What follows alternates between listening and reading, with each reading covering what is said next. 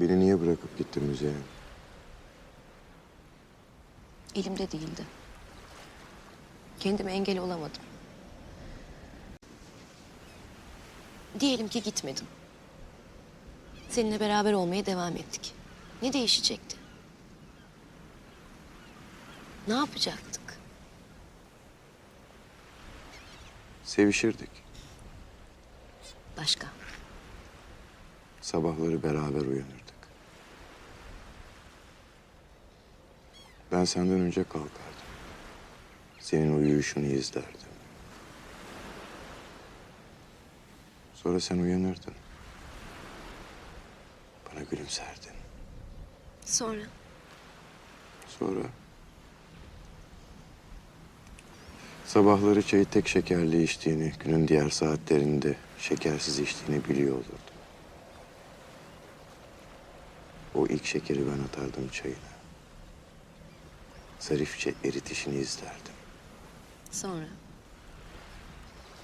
Sonra... En çok boynundan öpülmeyi sevdiğini biliyor olurdum. güzelmiş.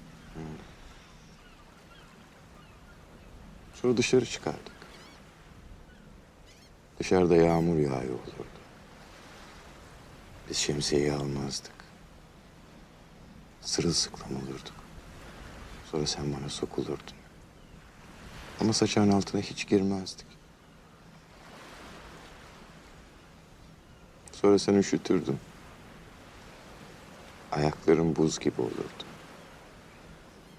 Ben sana en sevdiğim o mavi çoraplarını getirirdim.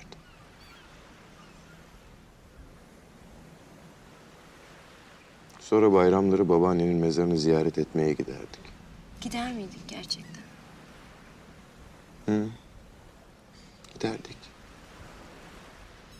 Hayatta en sevdiğin kadın için ağlayışını izlerdim seni.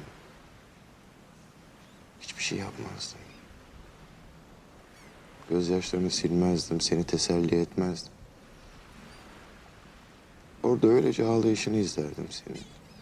Başka insanların mezarlarının arasında dolaşarak. Hayatın ne kadar şahane bir şey olduğunu düşünürdüm. Sonra... Sonra hiçbir şey yapmazdık. Öylece otururduk.